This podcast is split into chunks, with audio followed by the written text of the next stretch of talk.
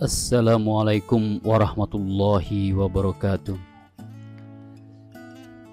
Kali ini kita akan membahas review singkat perdebatan epistemologis dalam filsafat analitik. Epistemologi berbicara tentang pengetahuan. Pengetahuan adalah apa yang ada dalam pikiran kita. Salah satunya pengetahuan kita tentang objek-objek material yang berada di luar diri kita, seperti rumah, pohon, bintang-bintang, dan samudra. Yang menjadi persoalan adalah bagaimana hubungan pikiran kita dengan benda-benda materi ini. Bagaimana kita mengetahui objek-objek ini? Apakah benda-benda ini benar-benar ada? Jangan-jangan mereka hanya ada dalam pikiran kita, tidak ada di luar sana. Kalaupun ada di luar sana, lalu apa yang kita ketahui? Jika benda-benda itu punya kualitas, ciri-ciri, rasa, dan warna. Apa yang kita ketahui itu benar-benar ada pada benda itu, atau hanya ada dalam pikiran kita. Ada skeptisisme dalam filsafat modern terhadap pengetahuan kita tentang dunia eksternal yang kita ketahui melalui indera. Keraguan terhadap eksistensi benda-benda di luar diri kita yang kita ketahui melalui indera telah diajukan oleh kubu rasionalisme seperti René Descartes dan dari kubu empirisisme oleh John Locke dan George Berkeley. Descartes mempertanyakan kepastian pengetahuan kita tentang benda-benda di luar diri kita yang kita peroleh melalui indera. Bagaimana Anda tahu Anda sedang tidak bermimpi? ujarnya. Dia tidak dia tidak hanya ragu terhadap adanya dunia eksternal, bahkan ia ragu terhadap eksistensi tubuhnya sendiri. Ia hanya yakin bahwa pikirannya saja yang pasti ada. Cogito ergo sum ujarnya. Saya berpikir, maka saya ada.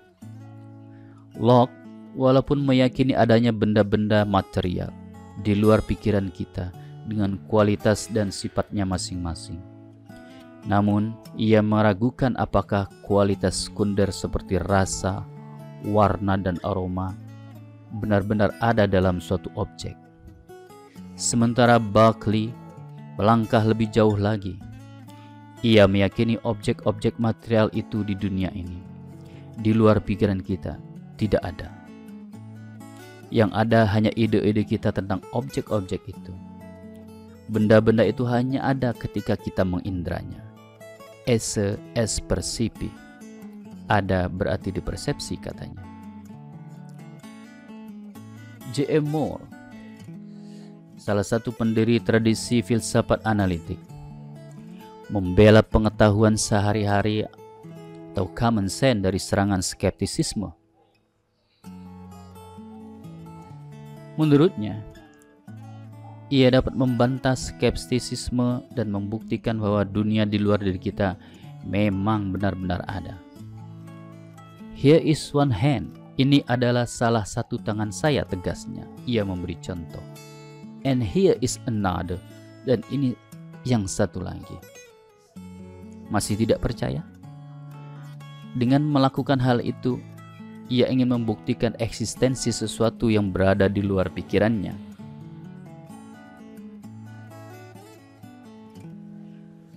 Ludwig Wittgenstein, pendiri filsafat analitik lainnya, menyatakan bahwa argumen Moore itu semacam trik.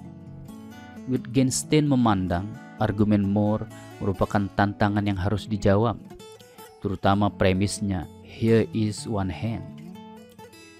Wittgenstein mengakui untuk yakin harus ada justifikasi, namun bukan justifikasi yang tiada akhir. To be sure, there is justification, but justification comes to an end. Membaca argumen dan tantangan kedua pendiri filsafat analitik ini, yaitu Moore dan Wittgenstein, membuat kita berpikir dan khawatir terhadap problem-problem yang mendalam pada epistemologi. Kita berusaha memahami pengetahuan, namun kita khawatir mungkin kita sebenarnya tidak mengetahui apa-apa untuk mengecek apakah kita mengetahui sesuatu. tampaknya kita harus membuat asumsi terlebih dahulu bahwa kita percaya pada indera kita misalnya atau bahwa rasio kita dapat diandalkan.